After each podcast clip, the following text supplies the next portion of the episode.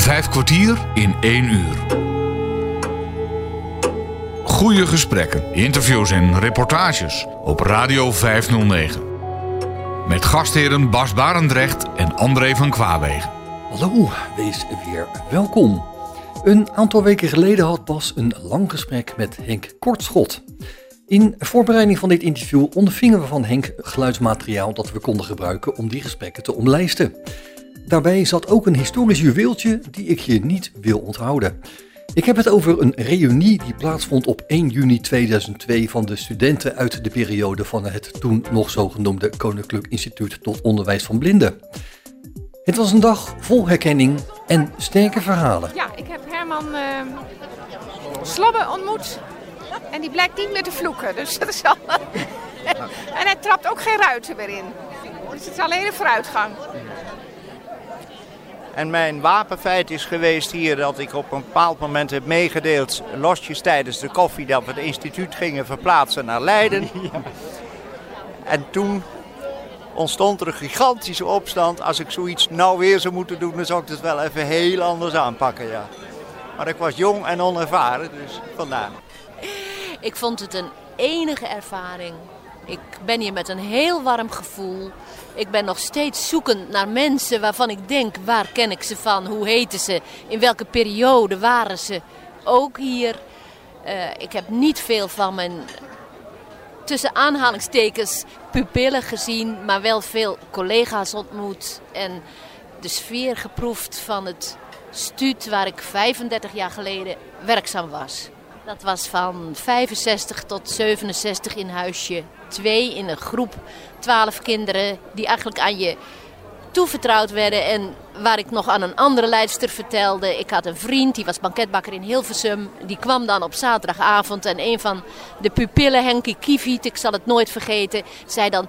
Juffrouw Ans, juffrouw Ans, ik ruik ome Gerrit. En dan kwam mijn vriend met de speculaas van de banketbakkerij. En daar was hij.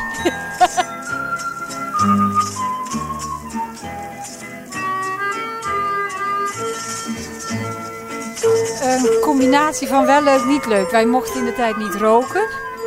En ik had twee vriendinnen aangestoken dat wel te doen. Ze moesten stiekem het bos in, met tandpasta bij ons, om achteraf niet te ruiken. En toen moesten we nog naar gym. Was in dit gebouw vroeger. Het was uh, voor de drukkerij, dus die achterste vleugel, daar was toen het gymnastieklokaal met wandrekken en zo. Het had zo ontzettend geregend, dus we liepen zo'n beetje achter elkaar om de plassen te ontlopen. En toen was kleine Ali, Ali uh, Stuurop, die, uh, die hoorde ik, ja, ik hoorde ineens een plons. En er was een man gehad, hadden ze graag, die was erin gedoken. Dus Maaike die stond helemaal te gieben. Joe, joe, joe. En ik nieuwsgierig kwam hard aanlopen. En Ali was er net uit toen ik erin.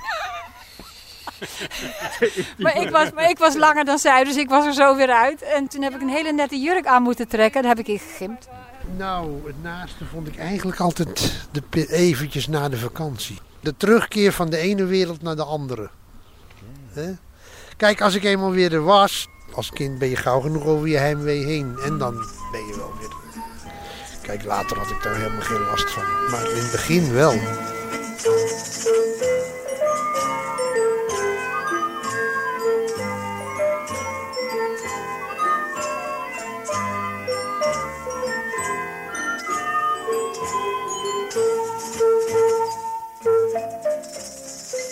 De drankinname was in die tijd niet on, uh, onaanzienlijk. was heel, heel goed.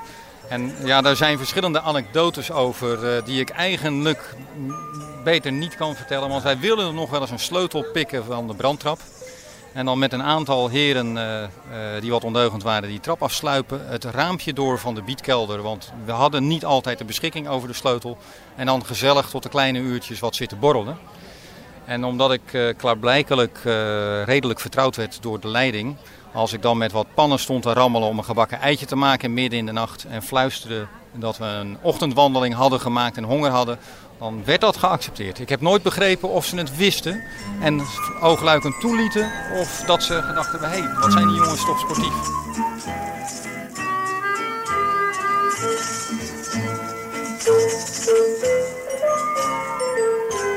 Hans, mag ik u even wat vragen, ook voor die uh, CD? Um, jij bent hier gekomen in... 1975. Wat was nou jouw eerste herinnering aan het instituut? Of jouw, jouw meest diepe herinnering? Mijn, mijn eerste herinnering op het instituut was dat ik hier s'avonds aanbelde voor een sollicitatiegesprek. Dat was in februari dat Frits Scheving opende. En dat ik dacht, waar kom ik in terecht? Met de tekst Lux in Tenebris. Mijn tweede herinnering was een paar happenings. Eh, van al het personeel en ouders erbij. En daarop volgde het besluit, we gaan niet naar Lelystad toe. Dat is waar. Dat... Met daarop volgend, toen ik benoemd werd tot directeur, van je moet een nieuw instituut bouwen. En dat gaat er nu van komen. Zo'n dag als deze is, laat ik zeggen, general manager positie toch een heel bijzondere dag. Ja, ik vind het heel leuk. Ik vind het ook leuk een aantal uh, oud-leerlingen opnieuw uh, nieuw te spreken. En ik vind het ook leuk zo te horen van wat mensen ervaren hebben. En zelfs dat sommige leerlingen niet gekomen zijn, omdat ze toch de stap te groot vonden om hier naartoe te komen, omdat die toch niet altijd even leuke ervaring hebben gehad. En het is heel leuk, de medewerkers zijn enthousiast. En ja, je realiseert je niet zelf als je daar zo middenin zit, wat er toch voor geweldige veranderingen plaatsvinden. Dat hoor je nu van de mensen die je spreekt. Van god, is dat al weg? En waar gaat dat, wat gaat er met dat gebouw gebeuren? En, nou, maar toch ook, wat ik, uh, is toch ook wel heel opvallend, dat ik nu met een aantal uh, oud-leerlingen sprak. En die zeiden van, ik ben blij, wij zijn blij dat we niet in deze tijd leven. Want? Want eigenlijk hebben we toch op het instituut een hele goede tijd gehad. En blij dat we op het instituut gewoond hebben. En dat we niet nu in deze tijd naar gewone scholen hadden hoeven gaan. Ja, die geluid heb ik ook. Ja, ja, ja.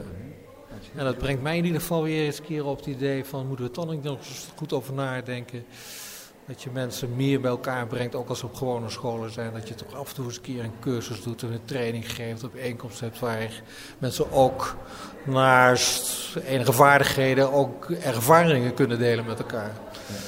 Ja, ja precies. Dat lotgenotencontact. Hè? Dat zie je hier in het extreme. Mensen, dit was eigenlijk hun wereldje en thuis een beetje wennen. En dat is omgekeerd nu. Oké. Okay.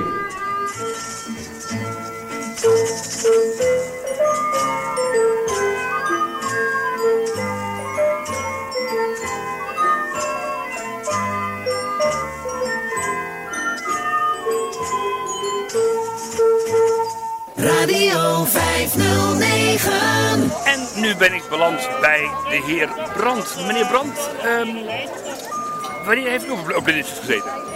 Ik heb op blindinstituut gezeten uh, in uh, huis, in Bussum, ja? van 1940 tot 47. En ja? daarvoor twee jaar in Haren, bij Groningen. En waarom bent u toen naar Bussum gegaan? Weet nou, weet u dat, nog? dat was altijd zo. Het Haren was net zoals uh, Huis de Heide. Was voor als het ware kinderen van de lagere school. En voor vakonderwijs moest je naar Bussum. En uh, wat is, heeft u voor vak gedaan? Ik heb in Bussum heb, heb ik steno en type geleerd en een middenstandsdiploma gehaald en handelscorrespondentie. En toen was er gelegenheid om bij een verzekeringmaatschappij in Alkmaar te gaan werken. Wat heeft u nou voor herinneringen aan de tijd van Bussum? Want u was natuurlijk ook in de oorlogsperiode. Ja, nou in de oorlogsperiode zijn we één jaar thuis geweest. Toen, uh, toen was er een uh, treinstaking en toen zeiden mijn ouders nou, we vinden dat, die nu maar, uh, dat ze nu maar thuis moeten komen. We waren met drie broers en toen zijn we dus een jaar, het laatste oorlogsjaar zijn we thuis geweest. Want al uw broers waren ook blind? Nou, niet allemaal. ik had zes broers en daar waren er drie van blind. Zo slechtziende.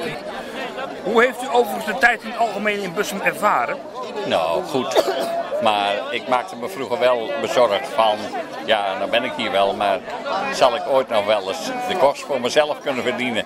En toen ik hier een meisje leerde kennen, toen kwam er nog meer bij, maar dan dacht je, zal ik ooit nog wel eens zoveel verdienen dat we kunnen trouwen, maar uh, dat is gelukkig heel goed afgekomen.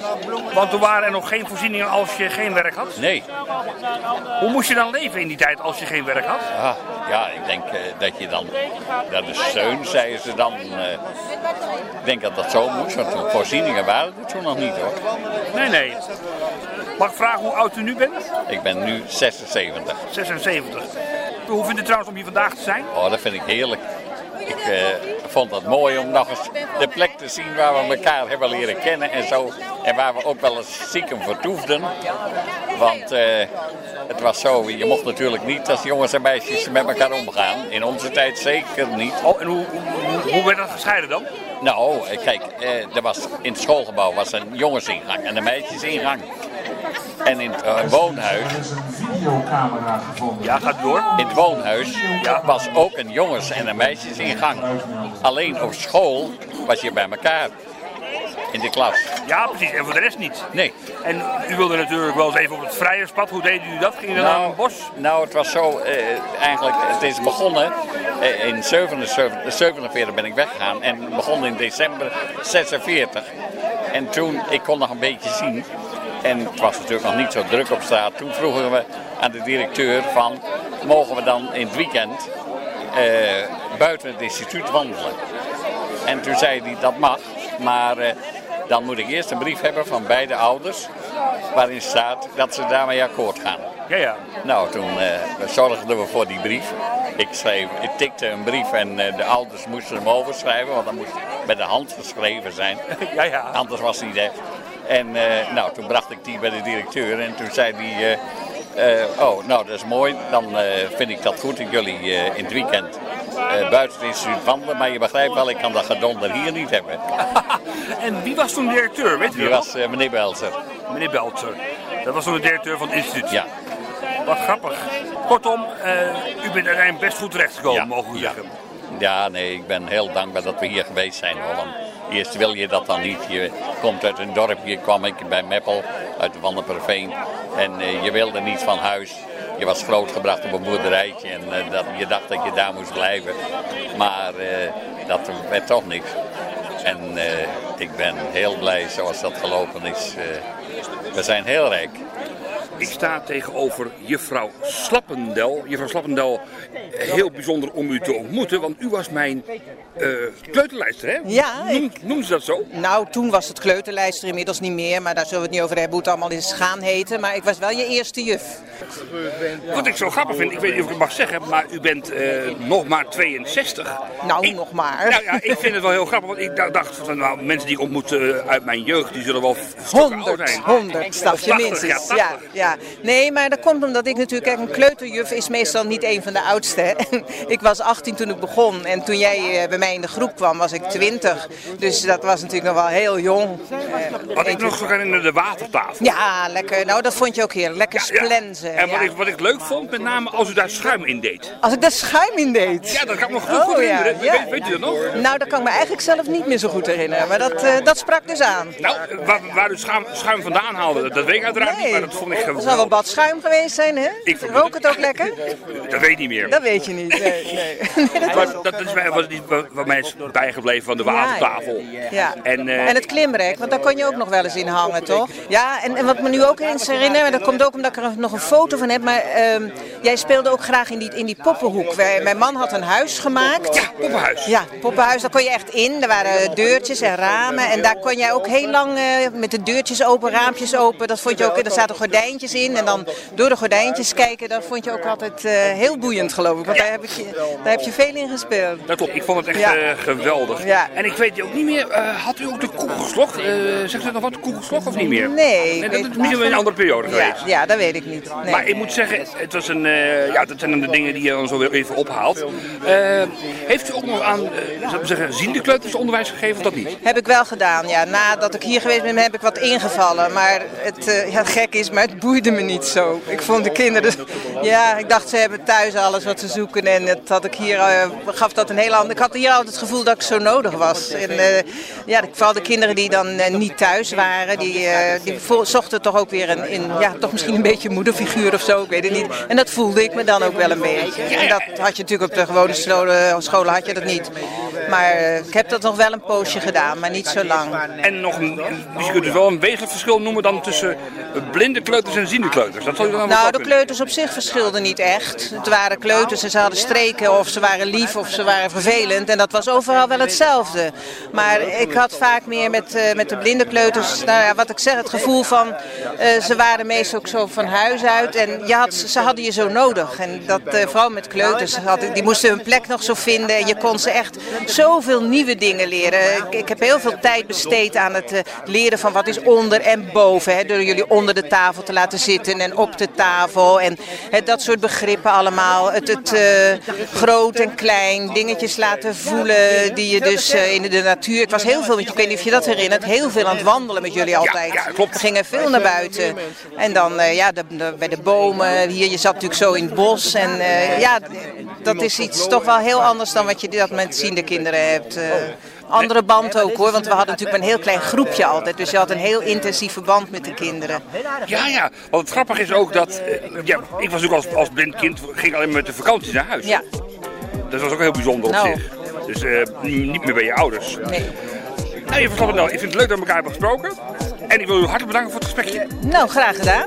Je luistert naar opnames uit 2002 van een reunie die gehouden werd van en voor voormalig studenten en lesgevenden van het Koninklijk Instituut tot Onderwijs van Blinden in Heuzen. Steeds met je microfoon te leuren. Ik loop overal met mijn microfoon te leuren en degene die dat zegt is Rien Kemper.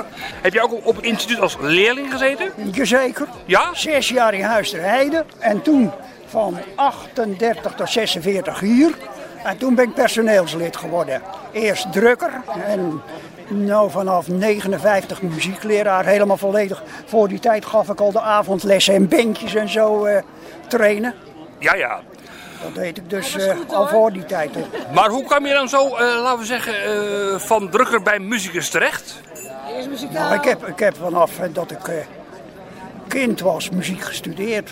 En wij werden voor de oorlog allemaal opgeleid, degenen die muzikaal waren voor de muzikus. En als ik het goed heb Je begrepen... werd of borstelmaker of je ging de muziek in. Zo was het. Ja, ja, ja, ja, ja. Maar jij hebt dus ook hier in oorlogstijd gezeten? Ja. Zo. Hoe was dat in die tijd? Eh, Laten we zeggen dat ja... Nou, knap beroerd. Honger. Honger. Honger, ja? Nou, en niet zo'n beetje. Meen je dat? Jullie hebben ook al En op een avond zaten we hier eh, op een kamertje daarboven, zaten we te schaken. Ja? En toen ineens een groot gefluit. Toen vielen er vlak bij ons, hier op dat laantje hierachter, drie grote Engelse bommen. Afschuwelijk. Dat gebeurde dus gewoon. En van, van 44 tot 45 ben ik in Zeeland geweest dus, want daar woonden mijn ouders. Nou ja, goed. En, hoe- en hoe, hoe kwam je daar nou nog, hoe, hoe, hoe kon je erheen komen ondanks de oorlog? Toch met de trein of zo? Met de trein, ja. Dat ging? Ja, ja, ja. Alleen vanaf 44 niet meer, want toen staakte de trein. Dus toen reed er niks meer. Nee, nee. Ja, alleen maar legertreinen, maar eh, geen eh, passagierstreinen meer. Maar als je Dus dan... vanaf 44, kijk, eh, september, toen wou, zou ik net terug naar Bussum. Maar toen, eh, op 6 september was zogenaamd, op 5 september was de dolle dinsdag. Ja. En toen staakte het hele spoorweg net. Toen hielden ze er helemaal mee op, dus toen kon ik niet meer weg. Nee, nee. Maar laten we zeggen, dat betekent dat jij in feite het instituut heel lang hebt meegemaakt. Totaal. Natuurlijk, het is eigenlijk van mij. Dit wou zeggen. Want nog, eh, Ik zou er met al lang me moeten vermaken. Maar ja, Hey, maar- ze dacht- ik had geen geld genoeg, joh. nee, dat zal, dat zal het zijn geweest. Maar ik wil zeggen, als je nou even kijkt, hè, dan ben je hier geweest vanaf 19, wat zei je, weer, 39 zei je? Of, eh, Van, eh, ik ben hier geweest van 38 tot, 40, tot 80. ja, tot 80, moet je er nagaan. Dus dat is 42 jaar. En daarvoor 6 jaar in huis te rijden. Alle, 32. allemachtig. Jij hebt Dat, dat zeg ik wel eens, joh. Ik ben eigenlijk op het instituut geboren. geboren en getogen, maar jij bent dus tot aan 80 geweest. Eh, ik heb wat, wat, wat oude platen nog eens beluisterd, ooit was van jou. Je hebt zelfs ook een jazzband gehad hier, hè? Nou, meerdere natuurlijk. Want ja, die jongens, dat was altijd mijn, mijn grote ramp. Dat als het net een beetje goede band werd, dan gingen ze weg. Oh, afschuwelijk. Waren zo. Denk maar aan die band van Rob van Vliet en dergelijke jongen. Die, die trouwens nog spelen, nog Ja, steeds. inderdaad, maar ik denk ook met name aan het... Maar eh, nou ja, goed, die zijn bij mij dus begonnen als jochie.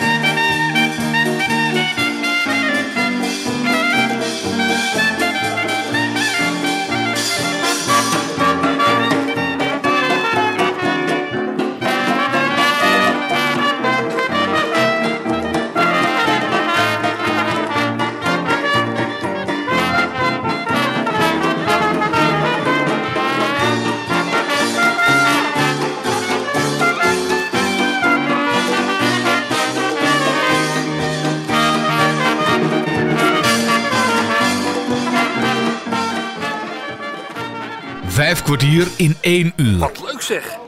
En eh, hoe kwamen u toch al aan al die instrumenten? Want er was waarschijnlijk helemaal geen geld, of wel? Oh, dat, nee, oh, dat was altijd een hoop gedoe. Maar eh, deels kreeg ik wel uh, is van het instituut. Maar bijvoorbeeld wilden ze graag een contrabas. Maar de duivenvereniging in Bussum die had een, een groot concours, een wedstrijd. Of ze ons een cadeautje konden doen. Nou, kregen we een contrabas van de duivenvereniging.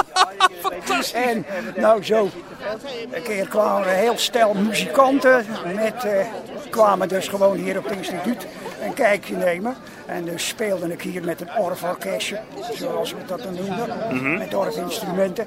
Nou kregen we weer metallofonen cadeau. Op die Van manier- honderden guldens. Zo kwamen al die instrumenten vaak. Ja, maar ik kreeg dus ook wel van de instituut hoor. Nou, maar ik moet zeggen, Rien, eh, toch wel leuke belevenissen die je eh, hebt meegemaakt. Want je had ook altijd heel leuke verhalen tijdens de muziekles vaak hoor. Wel eens op, z'n- op z'n tijd. Oh joh, wat een smoesjes denk ik. Joh. Nou, dat maakt niet uit of het nou smoes of echte verhalen waren, maar het was altijd wel erg leuk. Maar een collega van me hier vroeger, ik weet niet of je die nog gekend hebt, de heer Koster. Jazeker. Die zei, die zei altijd, een verhaal hoeft niet waar te zijn als het maar leuk is. Ja, dat is natuurlijk ook zo. Oh, dus ja, kijk. Op die manier kun je het ook oplossen natuurlijk. Vijf kwartier in één uur. Je luistert naar een historisch juweeltje uit de archieven van Henk Kortschot. Een reunie die plaatsvond op 1 juni 2002 van de studenten uit de periode van het toen nog zogenoemde Koninklijk Instituut tot Onderwijs van Blinden. Ik spreek dan over de mensen die 20 jaar geleden bij de reunie aanwezig waren. Het was een dag vol sterke verhalen en hernieuwde kennismaking. Op Radio 509. Lex Grandia, ik loop jou letterlijk tegen het lijf. Waar woon jij tegenwoordig? Ik woon in het noorden van Denemarken, het noorden van Jutland, eh, in een plaatsje dat heet Nörsumbu. En dat is een deel van de gemeente Aalborg. Hoe ben je daar nou zo verzeild geraakt? Nou, ik, ik eh, werd voorzitter van het Europees Doofblinde Netwerk. En eh, op een bestuursvergadering ontmoette ik een Deense vrouw. En ja, dat klikte. En toen heb ik mijn boeltje gepakt en ben naar Denemarken verhuisd. En getrouwd.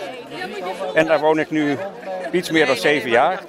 Is je vrouw nu ook meegekomen? Nee, ze is, niet, eh, ze is wel mee naar Nederland gekomen, want ik logeer bij mijn vader. Maar ze is met mijn vader en zijn vrouw naar de Floriade. Want eh, ik, ze zegt, nou ja, ik ken toch niemand. En eh, het is veel leuker voor jou om, om hier alleen te zijn. En ik kom je gewoon vanavond weer ophalen. Dat is geweldig. En jouw vrouw ziet ook gewoon? Ja, die ziet gewoon, ja. ja. Die is... eh, Ja? ja, ik, ik ben nu niet meer secretaris van het... eh, want ik was eerst voorzitter en toen werd ik secretaris van het Europees Doofblindennetwerk. Dat ben ik gebleven tot vorig jaar, maar toen was er geen geld meer. En toen waren we al lang bezig met het oprichten van een Werelddoofblinde Federatie. En die is opgericht in eh, Nieuw-Zeeland in oktober.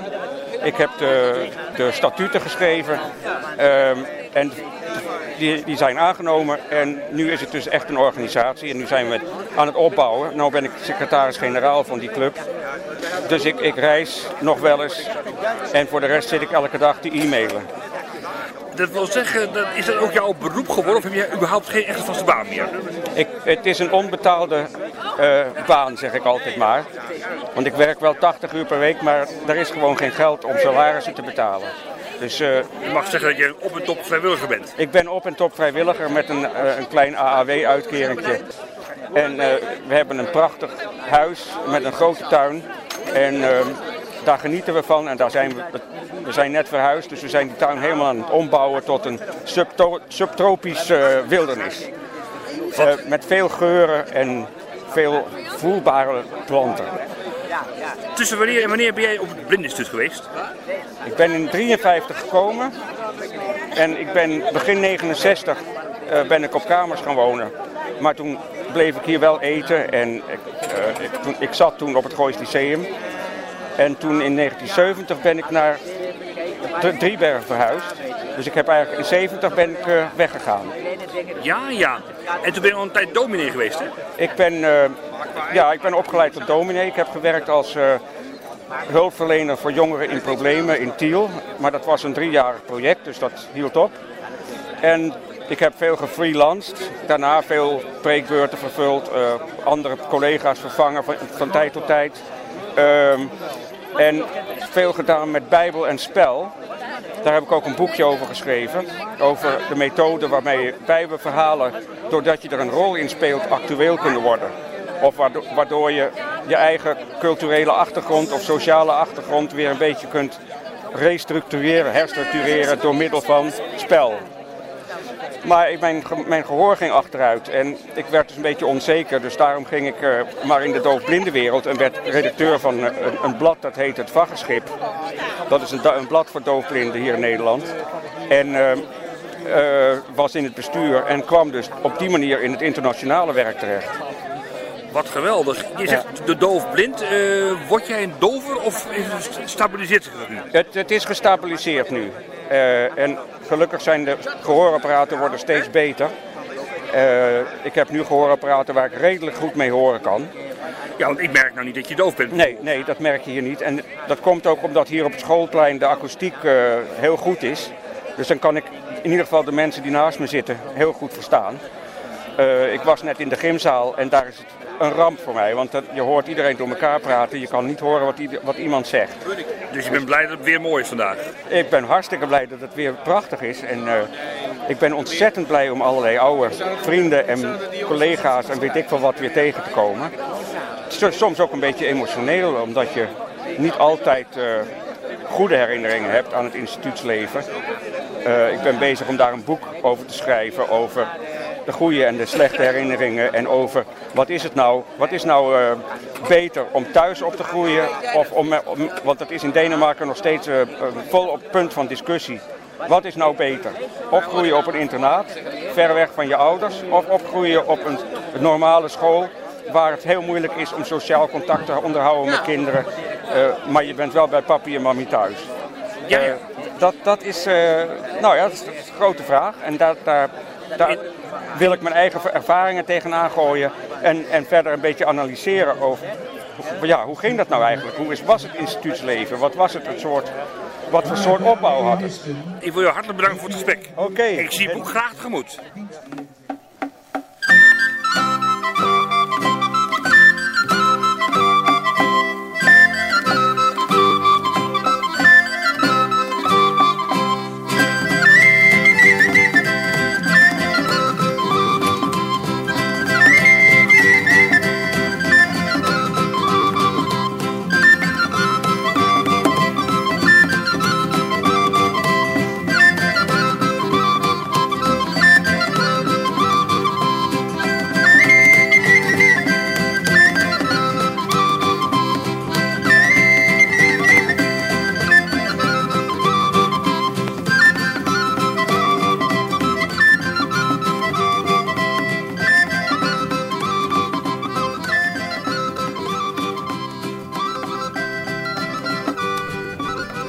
Huizen. Chris van den Berg. Ruud Stork. Even de jaren. Ruud, welke jaren waren jouw instituutjaren? Nou, je instituutjaar 49 tot 65 Als leerling. als leerling. Karin. Eh, 54 tot 66 als leerling. En Christine? En mij 55 tot, geloof ik, 61. 61. Als leerling. Eh, Ruud, jij was in de, in de tijd dat... eh, waar, was, waar was het jongenshuis toen? Het jongenshuis. Of tenminste, hoe was dat? Was het algemeen? Ja, eh, nee, ja, boven, boven jongens, beneden meisjes, hè? Met een, met een deur op slot. Nou, nee, niet op slot, maar... Gordijntje. Ja. En naar de hand zijn we dus eh, naar het eh, gebouw veranderd, wat, verhuisd wat nu weg is. Ja. Eh, wat vast zit aan de keuken, de eetzaal, dat gebouw. En daar hadden we boven... dezelfde- Was dezelfde indeling ook eh, jongens boven, beneden meisjes? Nee, de meisjes bleven daar nog zitten. Wij hadden dus daarboven de kamertjes, zeg maar, de oudere jongens. De kleine jongens hadden gewoon een groepsverband. Die sliepen op zolder. Daar hadden ze dus ook nog wat een en ander verbouwd. Radio 509. Karin, ben jij van de generatie dat eh, de jongens over de dakgoot liepen om bij de meiden te komen? Ehm, nou, dat weet ik eigenlijk niet zo goed. Wij eh, concentreerden ons meer rond en in het muziekgebouw bij de celletjes. Je bedoelt om daar de rendezvous te hebben? Ja, precies. Ja, ja, ja, ja. En de paadjes, eh, diverse paadjes hadden we ook op het instituut. En die, paadje, en die paadjes hadden ook allemaal namen. Ehm, nou ja, nee, niet, eh, volgens mij niet. Wel hutten hadden we ook. De Witte Wievan en eh, de Paddenhut en zo. Maar dat is er ook allemaal niet meer, helaas. Want, want je denkt daar met weemoed aan terug. Eh, ja, toch wel, absoluut. Ja, ja ik heb uh, enorm op deze dag verheugd. Ik vind het ook best wel heel emotioneel hoor, moet ik zeggen. En uh, nou, geweldig om mijn oude broers en zussen allemaal terug te zien, toch? Was dat ook voor jou, Christine? Als je hier was, dat je eigenlijk bij je broers en zussen was? Zeker weten. Ik heb hier mijn bottels liggen. Ja? Ja. Het betekent dat je hier als een, als een ongevormd klein kindje binnenkwam en hier voel je dat je gevormd bent? Ja, eigenlijk wel. Ik was zes jaar eigenlijk. En uh, ik heb dus mijn jeugd hier alleen meegemaakt. Dus nog niet hier aan de voels en zo. Maar gewoon uh, eigenlijk het ondeugende meisje uh, eigenlijk, ja. En in welk huisje? Heb jij in de huisjes gewoond? Ja, in huisje 5, de Merels. Het bordje heb ik inmiddels ook thuis liggen. Want het heeft een goede herinnering van mij. Met je verkoster heb ik daar gezeten. was jij intern, Christine? Jazeker, want ik woonde in Zwolle. In Zwolle? Ja. Ja, ja. En, en je ging één keer in de drie maanden naar huis? Dus ik, ik heb een keer gehad dat ik één keer in een jaar naar huis ging. Mijn ouders waren niet zo rijk. En ik ging met anderen mee naar huis. In die tijd. En Van de Klei heeft me ook nog wel eens naar huis gebracht. Dat ik dan mee kon, want die kwam uit Havelte. Ja, ja, ja. ja, ja. En uh, Karin, jij was ook intern? Ik was intern. Ik ging één keer in de maand een uh, weekend naar huis. Dat was dus in het begin uh, de halve zaterdag. Want toen hadden we zaterdagochtend nog school. En dan, uh, nou ja, zondagavond terug. En dan uh, de vakanties. Ruud, had je als je vanaf hier weer naar de gewone wereld ging, niet idee dat dit een soort, een soort tijd, een aparte tijdzone was? Dat wel, alleen uh, voordat je dus de grote wereld, zou ik maar zeggen, inging. Heb ik in elk geval meegemaakt dat je dus daar aardig voorbereid werd. Je werd vrij zelfstandig gemaakt, je leerde stoklopen. Er werden activiteiten gedaan buiten het instituut. Ik herinner me nog de roeivereniging in Naarden. Er werd gejudood. Uh, je werd ook op, uh, of je werd niet gestuurd, maar als er belangstelling voor was, dan werd er georganiseerd dat je met, naar een internationaal werkkamp kon. Dus dat soort dingen die, die werden wel gedaan, dus je werd er wel enigszins op voorbereid. Maar toch is het een hele speciale periode. En uh, ja, wat zo'n dag als vandaag natuurlijk nog zo uniek maakt, is dat je A, een heleboel mensen tegenkomt en B, dat je ook heel zeker weet dat dit de laatste keer is dat je elkaar en ook gewoon deze samenstelling op dit terrein terugziet. Je bedoelt dat op dit terrein, dat je op dit terrein elkaar op de plek waar we nu staan, dat dat niet meer zal zijn. Niet dat bedoel het je? nu zal zijn. Het, zal, het terrein is er nog wel straks natuurlijk, maar totaal veranderd natuurlijk. En uh, ja, bedoel, wij klampen natuurlijk aan bij de beelden die we van vroeger hebben. Ja. En die vind je, nu, vind je nu nog voor een deel terug en straks natuurlijk veel minder. Hebben jullie toevallig nog gesproken met mensen die hier in de, in de 40er, 50er jaren geweest zijn? Uh, nee, ik eerlijk gezegd niet. Nee. Ik heb wel eens contact via de telefoon met verschillende mensen. En die zijn over het algemeen, moet ik voorzichtig zijn hoor, want ik praat natuurlijk uh, niet namens de hele groep, maar wat, wat minder positief, laat ik het zo zeggen. Wij hebben eigenlijk een hele ideale periode gehad, want ook in onze tijd is net, uh, laat ik zeggen, de strenge opvoeding heeft plaatsgemaakt voor de wat, wat vrijer omgang. En zij hebben echt dus het hele strenge regime meegemaakt en dat was natuurlijk niet zo geweldig. Maar jullie zeiden toch wel meneer tegen meneer Koster? Uh, absoluut, uh, ja, ja, zeker ja, weten. Maar ja, ja, wat jij zegt, Ruud. Ik heb altijd een beetje het gevoel toen ik hier wegging dat ik in diepe gegooid werd. En dat er totaal geen nazorg was. Ja, ja, ja dat kan. Dat is voor iedereen individueel verschillend geweest, denk ik. Er komt ook nog bij dat ik dus na de Mulo ben ik naar het gymnasium gegaan. En dan ga je natuurlijk ook al deels op een school in het dorp. En ja, dan is het niet zo alleen maar het instituut. Hè? Dan is er ook naar overdag nog wat anders. Ik ben naar huis te Heide gegaan, dat was een slechtziende school. Ja. Normaal moet je dan heel blij zijn dat je ogen vooruit waren gegaan eigenlijk.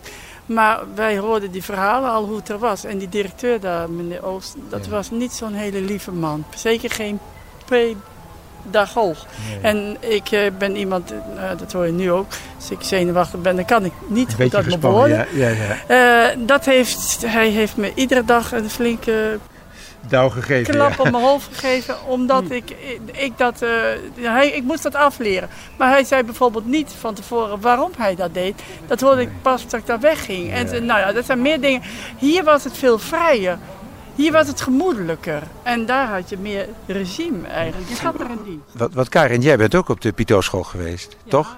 Ja, maar niet lang. Ik ben maar, uh, nou krap een jaar daar geweest. Alleen, uh, nou ja, dat was eigenlijk uh, op verzoek van mijn ouders.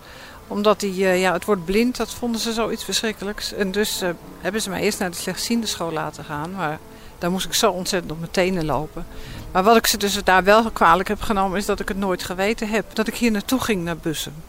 Want zoals je hier verhalen hoorde over uh, huisstrijden, hoorde je Ja. natuurlijk ook in huisstrijden verhalen over Bussum. De dag tot nu toe, Christine? Ja, eh, Leuk? Leuk? ja, ja, zeker leuk. Je vindt wat je hoopte te vinden? Ja, zeker. Ja. Karin? Ehm, ik had het leuker gevonden als er een weekend eh, van was gemaakt. Zo. Ja, maar, ik vind het geweldig. Ja, absoluut. Het is leuk om, om hier weer over de trein te lopen sowieso. Gewoon specifieke plekjes op te zoeken waar, je, waar ieder zo zijn eigen belevenis heeft liggen, zijn emoties heeft liggen, weet ik wat. En aan de andere kant natuurlijk om een heleboel mensen terug te zien die je eigenlijk ook nooit meer terugziet. Want ja, iedereen is zo verspreid over het land. Hoe, hoe lang heeft er gelegen tussen dit bezoek en jullie vorige bezoek? aan het instituut, Ruud. Ik weet het niet. Er was ooit een reunie. Maar dat is een jaar of gat in de wijs. Maar eind tachtige jaren dacht ik ergens. Karin? Dat was dezelfde reunie. Ik, ik dacht een jaar of 12, 13 geleden. Ja, en Christine is hier natuurlijk geweest in een dubbelrol als ouder. Dus ik denk dat dat wat korter ik heb geweest is. niet gemist, ja. Maar ik heb net als Karen hier ook gewerkt. En ik heb hier een zoon dus gehad. Dus ik ben hier altijd weer Ja. blijven komen. Ik zit tegenover Nelke. We kennen jou vroeger als Nelke Brouwer. Hoe heet je tegenwoordig? Kijk nou naar Lievendam. Tussen wanneer en wanneer was jij hier? Ik was hier vanaf 1963 tot 1979. Ik ben hier over het instituut vandaag gelopen. Maar er zijn een heleboel paadjes die ik niet ken hoor, van vroeger uit. En een heleboel gebouwen die weg zijn gehaald. Want er hangt hier eh, in de school. Als je binnenkomt, je loopt rechtdoor, hangt er een, eh, ja wat noem je, een maquette of een, Ja, een- een foto. foto. Mhm. En daar zie je de, het instituut nog in zijn behoorlijk oude staat. Dus kan mijn man toch nog weten hoe het geweest is. Maar er is veel weggehaald. Toch wel, hè? En Ja. ik moet zeggen, ik heb wel best wel problemen met mijn oriëntatie hier. Ja, ik ook. Waarom? Omdat er nieuwe paadjes zijn eh, ertussen gelegd. En eh, ja, omdat de gebouwen gewoon heel anders ingericht zijn. Er staan andere namen op. En er loopt hier zo'n rare richel in het schoolplein daar in de buurt van de koepel. Liep er vroeger ook nooit. Nee, maar ik denk dat dat is voor de rolstoelers. Oh, dat kan best. Ik weet niet waarvoor het is, maar het is een hele rare richel die eh, gewoon door het schoolplein heen loopt. Ja. In elk geval, het is zeker veranderd. Ja. En het zal nog gaan veranderen, want er gaan eh, veel gebouwen weg. Ik hoorde al in de speech dat de huisjes ook eh, weggingen, dat daar nieuwe villa's kwamen. Dus er staat weer een hele verandering op stapel. Dus ik ben wel eigenlijk blij dat ik het vandaag gezien heb. Uiteraard. Nelke, ik wil je heel hartelijk bedanken voor het gesprek. Graag gedaan. Je luistert in deze vijf kwartier en een uur naar opnames uit 2002 van een reunie die gehouden werd van en voor de voormalige studenten en lesgevenden van het Koninklijk Instituut tot Onderwijs van Blinden in Huizen. Frits Kornegee was de kok. Van hoe lang tot lang was je kok? Ik ben eh, na mijn diensttijd hier komen werken. Ik was in 69 ben ik hier gekomen, 68, 69. En ik heb hier tot 88 gewerkt. En toen ben ik naar Flevoort gegaan, een dependance van het Elisabeth Kalershuis. En ben je daar nu nog steeds? Nee, ik ben eh, toen in Hilversum gewerkt en in het verpleeghuis en toen in het Mediapark. Ik heb in eh, de asielzoekerscentra gewerkt. Ik heb op een camping gewerkt. Ik heb heel veel gereisd en nu werk ik in Oldenzaal, ook weer bij de gezondheidszorg met eh, volwassenen met een lichte handicap. Een soort thuis, gezinsvervangend huis. Maar altijd als kok? Altijd als kok. Nou is het zo dat jij niet alleen bezig was met eh, koken, maar ik kan me nog herinneren dat jij met ons de avondvierdaagse hebt geholpen. Onder andere en, en de fietsvierdaagse en in de bietkelder, eh, feesten gevierd, barbecues, alles deden we met elkaar. Wat grappig, want ja, maar jij was toch bijvoorbeeld weer meer betrokken bij als Cor. Ja, De, ja. andere, de andere collega. Cor die zat meer, eh, ja, die was meer thuis, maar die had ook andere interesses, denk ik. Ik vond het altijd leuk om met mensen om te gaan en ook met eh, de jongens en de meisjes die hier op het Blind Instituut woonden. Veel met Willem van Schoor en en hebben we veel gedaan.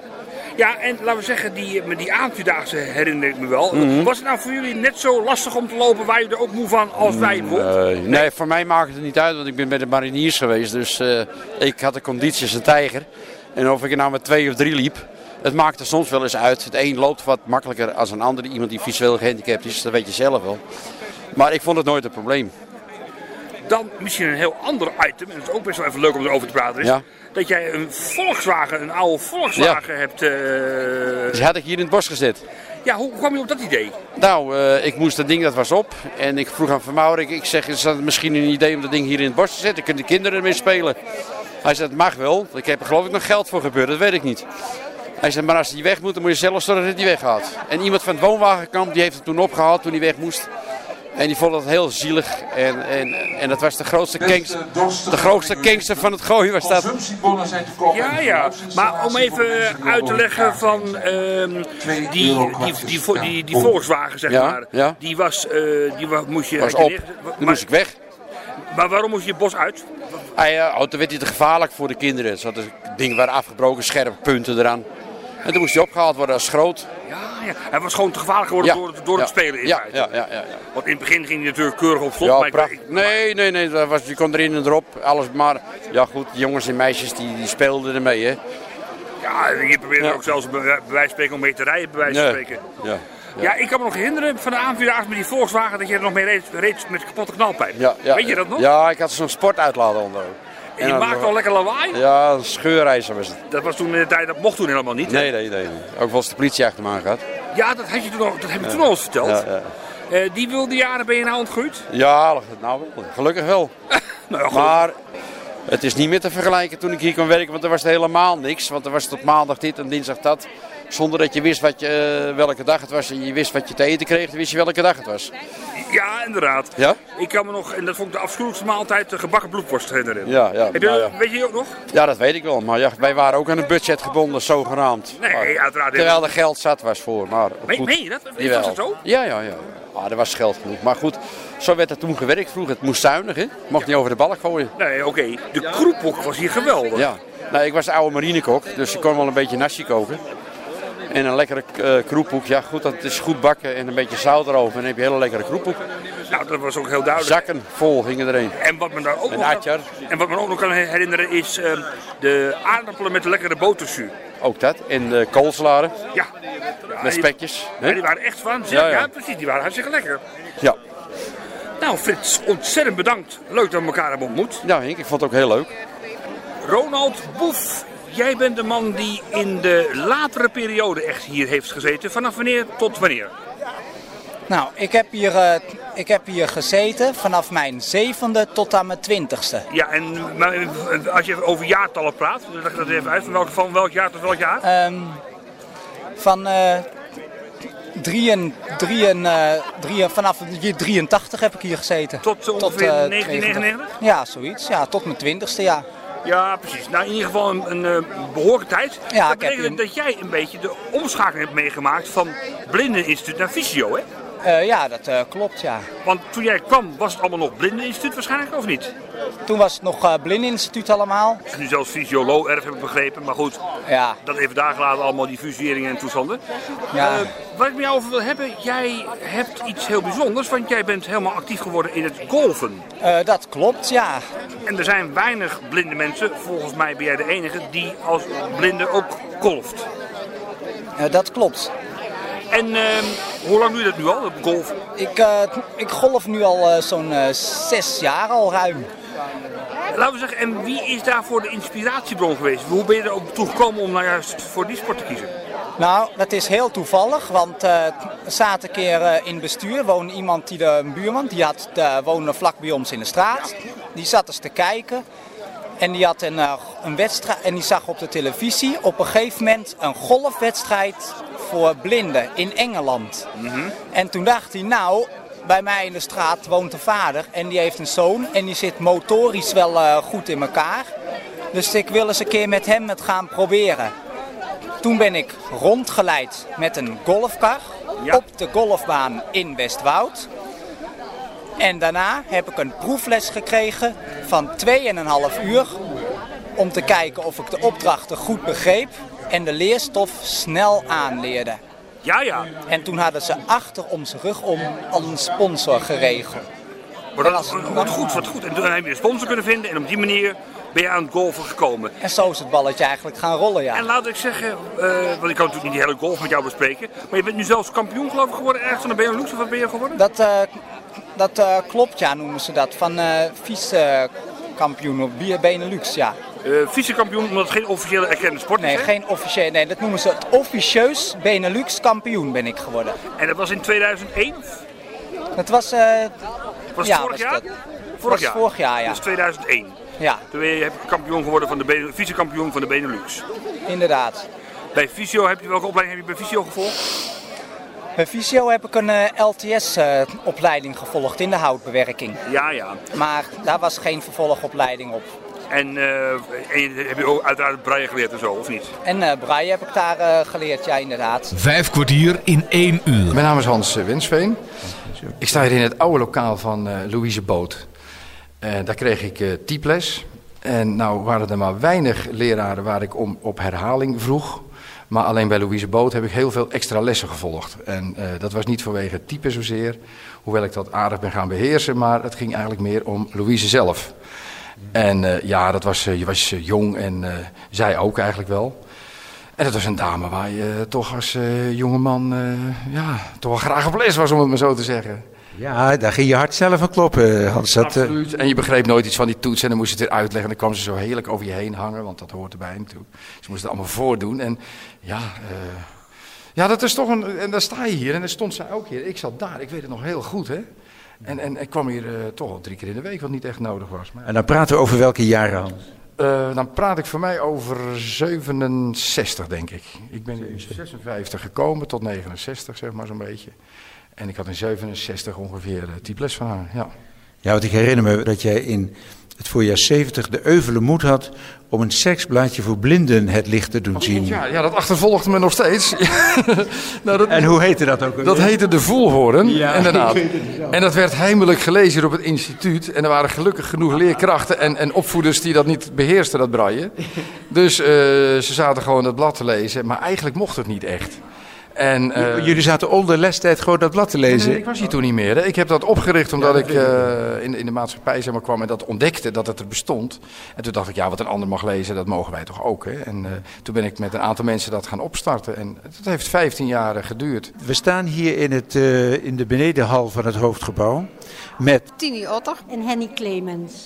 En wat zijn de jaren dat jullie hier waren? Um, van ja, 47, 46, 47. En ik ben hier nog geweest in 55, 56. Ik ben 47 gekomen en ongeveer in 52 weggegaan. Als je hier aan de zijkant van het hoofdgebouw binnenkomt, welke eerste herinnering komt er dan in je op? De herinnering is die dat, ik, uh, dat we hier eigenlijk niet in mochten komen, want dat, dit was de jongensingang. Oh. Ja, hier mochten dus, we aan de andere nee. kant zijn we gekomen. En wij moesten naar de andere kant, dus de meisjesingang. Dat was aan de zijingang waar we binnen zijn gekomen. Dat was de meisjesingang. Nee, dit was verboden. En, en, werd je dan wel eens betrapt dat je door de verkeerde ingang... Jawel. En wat gebeurde er dan? Nou, werd je weggestuurd. Ja, werd je weggestuurd. Je kreeg moppers en weet ik wel. En je mocht het niet doen. Dus, uh... Maar ik zat net aan mijn, aan mijn dochters te vertellen. Ik, zeg, uh, ik heb mijn man dus hier leren kennen op het internaat.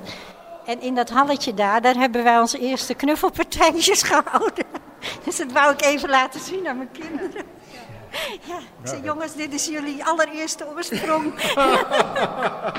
ja, dat vonden ze wel heel leuk. Ja. Dat was natuurlijk wel super verboden terrein voor u, hè? Ja, nee, dat mocht helemaal niet natuurlijk. Maar dat deden we ook stiekem. En, en hoe de woongroepen waar jullie in zaten, hoe groot waren dat? Hoe groot het aantal meisjes? Wat was dat? Gemengde woongroepen of gescheiden? Gescheiden. Alles was niet strikt gescheiden. Zelfs de bossen waren gescheiden. Je had een meisjesbos en een jongensbos. Is dat, is dat werkelijk? Ja, echt. Rondjes voor ja. de meisjes. En rondjes voor de jongens. Maar ja, daar werd niet zoveel aan uh, gedaan hoor. Door de meiden en de jongens. Nee, nee, die gebruikten dat toch voor beide geslachten. En hoe, hoe groot waren jullie groep? Hoeveel? Uh, nou, ik geloof dat wij er waren uh, ruim 20 meisjes. En de jongens waren veel meer hoor. Dat, uh, dat weet ik niet exact. Toch ruim 40, 50? Ja, zoiets. Dat zal zeker wel. Dat, die waren veel meer. En jullie in die groepen, jullie had, met hoeveel sliep je in dezelfde slaapkamer? Met z'n Twaalf meisjes? Twaalf meisjes, ja hoor. Nou, twaalf zalen, hè? Ja, slaapzalen. En was dat de groepsleiding? Waren dat dan voor de jongens jongens en voor de meisjes meisjes? Uh, ja, nou uh, ja. Mannen en vrouwen, ja, ja. zeker. Ja. Ja um, ik, uh, ik breek even in. Wat heb je gedaan dan? Ik heb een beetje gezeten in het buitenland. Oh ja, dat is goed. Ja. Wat is de herinnering voor deze ruimte voor u? Uh, de, druk de, drukkerij, waar wij altijd... Uh... Wat betekende dat voor u als leerling? Uh, wat?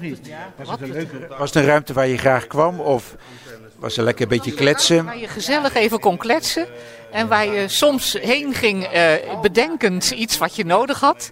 Maar gewoon even om te leuteren. Dat was het ook. Ja, als je een zware dag achter de rug hebt, met al die st- studies in je hoofd. Meneer ja, Kemker, Kemker, die wou je altijd graag aanhoren. Ja, want Rinus, Marinus Kemper was toen de chef van de drukkerij in uw tijd. Ik heb de vorige chef nog gekend, eh, Mulder. Ja, die heb jij niet meegemaakt, hè? Jawel, die heb ik ook nog wel Ja? gekend. Oude Mulder. mij wel. Oude Mulder, ja. Wat maakte voor leerlingen die drukkerij nu toch zo'n zo'n prettige plaats? Ja, ik denk meteen misschien toch de, de, de, de gezellige mensen die er waren of zo. Ik weet niet. Je kon, je kon, je kon soms even je ei kwijt, denk ik ook. Ik denk dat het zoiets was, ja. Ditjes en datjes.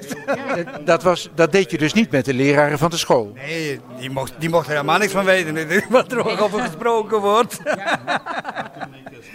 Dus dan kun je echt je hart eh te uitluchten. leraar nou, en hoe? Nou, viel wel mee. Viel wel Ja? mee. Viel wel mee. Oh, nou, meneer- Geef, geef, geef eens een voorbeeld. Geef eens een voorbeeld. Meneer Vechter, oh, dat was een streng iemand. Verschrikkelijk. Dat kostte niet. Nee, kostte niet. Kostte niet, nee. En dan, en dan met kosten deden we altijd van... eh, en dan zat ik bij Astrid Veldman in de klas. En dan smaandags morgens... Hoi, en dan smaandags morgens... Dan eh, zei kosten, zie je wel... Mijn meisjes die hebben het huiswerk weer gemaakt. En dan zaten we rustig mee te lezen naar het boekje. En we konden zo op alle vragen antwoord geven. Maar hij zag dat toch niet. Hè, of kosten die nam een hele bak met ogen nam die mee.